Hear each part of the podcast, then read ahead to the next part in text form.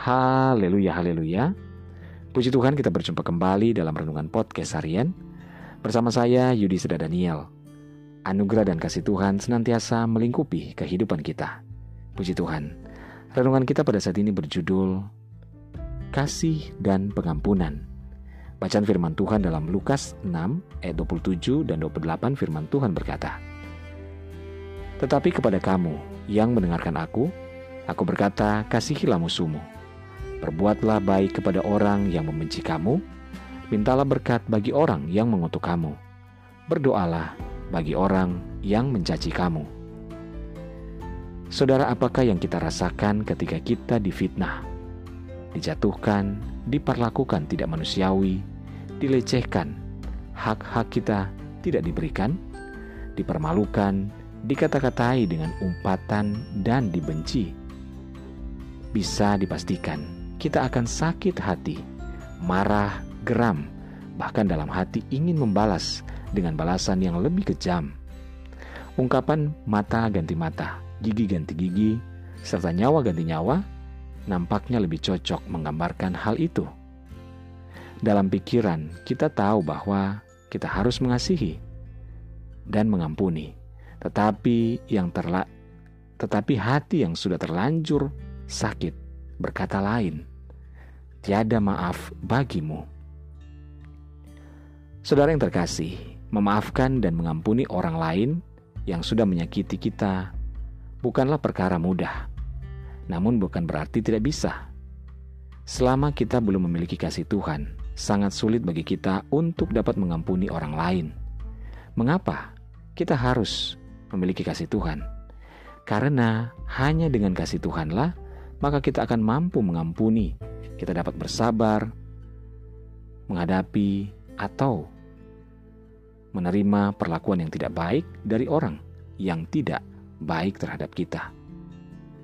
Firman Tuhan di dalam Yesaya 1 ayat 18 berkata, Sekalipun dosamu merah seperti kermisi, akan menjadi putih seperti salju.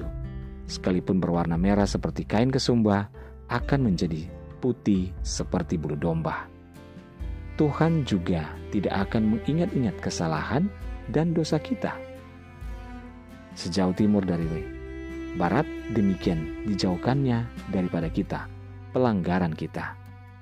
Untuk itulah seharusnya kita mau belajar melakukan firman Tuhan, yaitu mengasihi musuh, berbuat baik kepada orang yang membenci kita, memberkati mereka yang mengutuk kita, dan berdoa bagi orang yang mencaci kita. Itulah inti kasih Tuhan yang juga harus menjadi karakter kita sebagai anak-anaknya. Sebab kita telah lebih dulu mendapatkan kasih dan pengampunan yang daripada Tuhan. Lepaskanlah pengampunan agar kita menjadi agar tidak menjadi akar pahit yang meracuni pikiran kita Mintalah agar Tuhan mencurahkan kasih-Nya kepada kita supaya kita bisa mengampuni, memberkati, berdoa, dan berbuat baik kepada siapa pun juga. Bahkan orang yang memusuhi, membenci, mengutuk, dan mencaci maki kita.